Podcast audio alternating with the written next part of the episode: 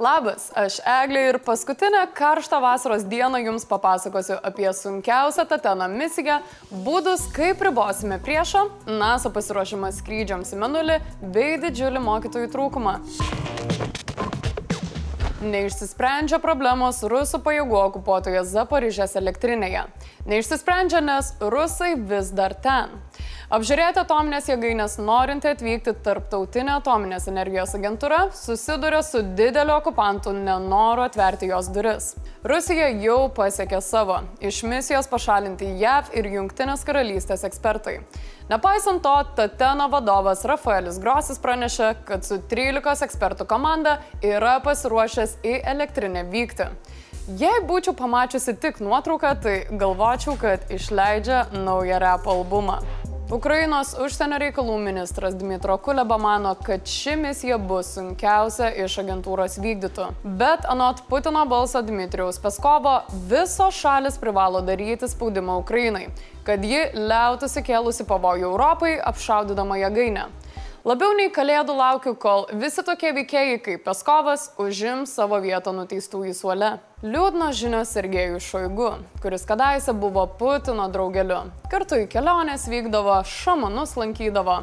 O dabar Didžiosios Britanijos žvalgyba pranešė, kad dėl Rusijos problemų kare Šoigu yra pašalintas iš vadovybės. Operatyviniai vadai apie karo eigą informuoja Putiną tiesiogiai. Dabar polimo ministras daugiau laisvo laiko turi, tai jaučiu dalyjasi demotivacijomis apie tikrą draugystę. Daugiau laisvo laiko dabar gali turėti ir kiti Rusijos piliečiai, nes ES užsienio reikalų ministrai šią savaitę aptars draudimo turistams iš Rusijos lankytis Europoje. Tačiau ES užsienio politikos vadovas Josepas Borelis mano, kad draudimas visiems rusams nėra gera idėja. Kalbant apie rusų keliones, minėtas susuotas šuniukas Paskovas pranešė, kad Putinas lankysis Kaliningrade. Dėl ko karo nusikaltelis palieka saugų bunkerį, dar neaišku. Na ir džiugi naujiena. Ukraina praneša, jog prasidėjo mūšiai už Hersoną. Dieną pasirodė pranešimai, jog šalies gynėjams jau pavyko pralaužti pirmą okupantų gynybos liniją. Panašu, kad kurį laiką Hersonas bus karščiausia fronto vieta. Tiesa, tikėtis, jog miestas bus išlaisvintas per vieną vakarą, neverta. Tad palaikom Ukrainą ir toliau ir savo pagalbą artiname jos pergalę. Slava Ukraini! Turiu blogą ir dvi geras naujienas. Blogoji - Lietuva yra labiau santykių sieną statanti, o ne santykių tiltus tiesinti šalis. Gera, pas mus bus mažiau nelegalų klaidžiotojų ir Baltarusijos. Antra gera, jei Lukašenka prieitų prie mūsų sienos, tai mes jos nukimatytume per grotas, taip kaip ir turėtų būti realybėje. Čia aš kalbu apie baigtą statyti fizinį barjerą su Baltarusija. Bendras sienos ilgis 679 km. Iš jų 502 km sudaro tvora ir pjaunanti viela, kuri pjauna bandančius per ją laipėti neteisėtai. Nors dar šalinami nedideli trūkumai, jau galime jausti saugesni. Barjerą pasienyje nuspręsta statyti po pernai kilusio neteisėtų migrantų iš Baltarusijos antplūdžio. Lietuva to organizavimu kaltina Minsko režimą ir vadina tai hybridinė ataka. Vidaus reikalų ministra pasidžiaugia, kad dabar mes ir ES esame saugesni. O Šimonytė pabrėžė tikinti, kad projektų įgyvendinimas padės pasieniečiams efektyviau kovoti su neteisėta migracija. Paspartintas ir sienos stebėjimo įrenginių dėgymas. Iki metų pabaigos visas pasienio su Baltarusija ruožas bus stebimas šiuolaikiškomis priemonėmis. Bet, kaip sako pasieniečių vadas Rustamas Liubajevas, net ir dabar. Neturint e, stebėjimų sistemų, pakankamai efektyviai užtikrinam sienos apsaugą, sulaikom beveik visus neteisėtus migrantus. Beje, atsiriboti nuo Rusijos bei Baltarusijos bandome ir energetiškai. Paskelbtos energijos taupimo varžybos Putin Out skirtos po truputį alinti Putino režimą. Prizas taupiausiems - 50 tūkstančių eurų. Jei programa pavyktų, Jeigu vien 10 procentų pavyktų, kas galėtų būti mūsų manimo minimalus kiekis 10 procentų, tai yra apie pusantro milijono eurų būtų galima staupyti per metus. Nors Rusijos mastais nėra daug, bet vis iš teroristų kišenės. Apdovanoti bus ir originaliausiai taupantis gyventojai, tad pasidalinkite komentaruose, kaip jūs originaliai taupot ar ketinate taupyti. Pirmą kartą per 50 metų NASA ruošiasi paleisti pirmąją raketą skraidinančią žmonės į Menulį ir iš jo. Space Launch System yra galingiausia NASA kada nors sukurta kosminė transporto priemonė. Jie bus siekiama ir padėti pagrindus skrydžiams į Marsą 2040-aisiais. Deja, misija Artemis 1 turėjusi startuoti 15 val. 33 minutės mūsų laiku neprasidėjo dėl vandenilio nuotėkio, todėl Orionas nepakilo virš debesų. Nuotėkis aptiktas toje pačioje vietoje, kur buvo panašus defektas per pavasarį įvykusią starto repeticiją. Anksčiausiai pakartotinis startas galėtų būti šį penktadienį. Ir tai žymės senosios Apollo misijos pabaigą ir naujosios epinės Artemio kosminio užkariavimo misijos pradžią.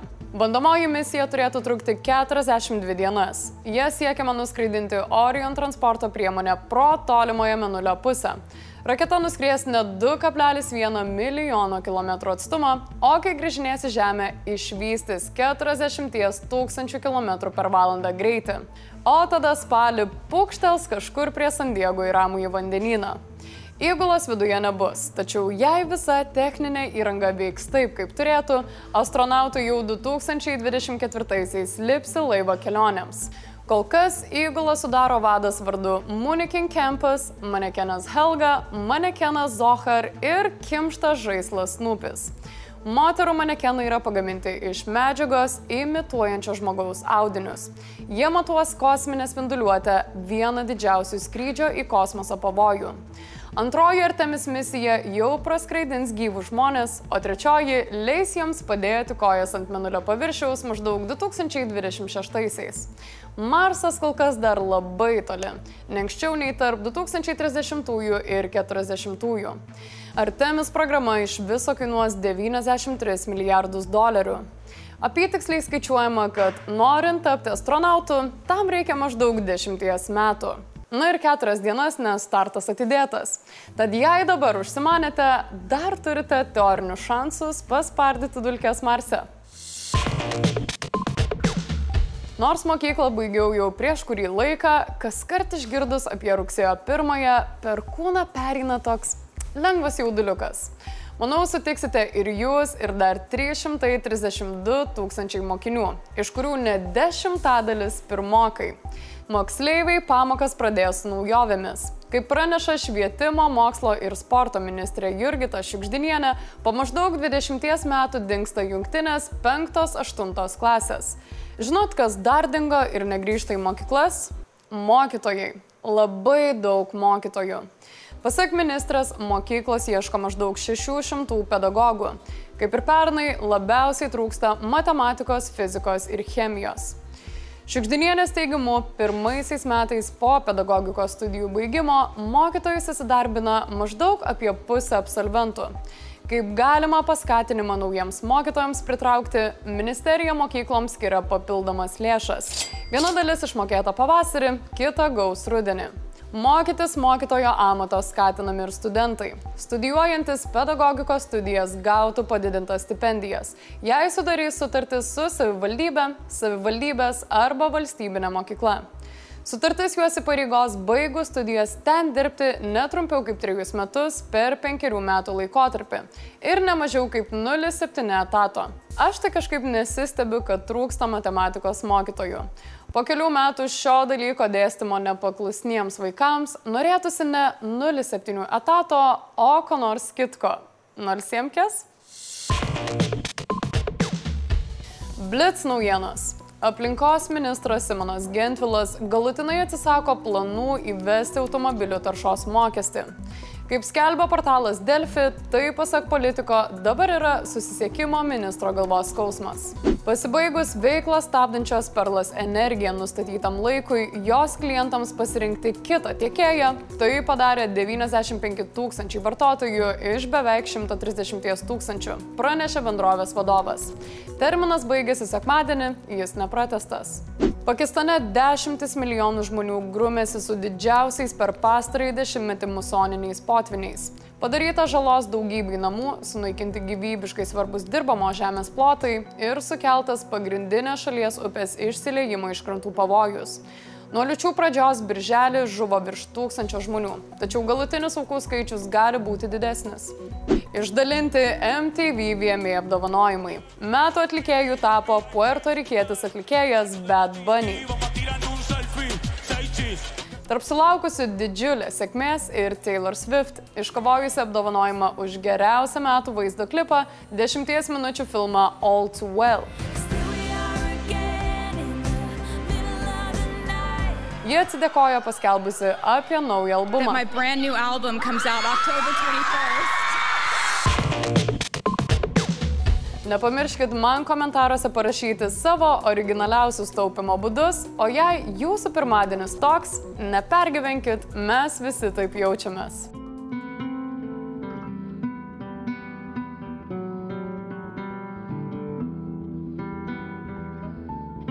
Čia buvo Eglė, šiandien tiek žinių ir pasimatysim rudenį.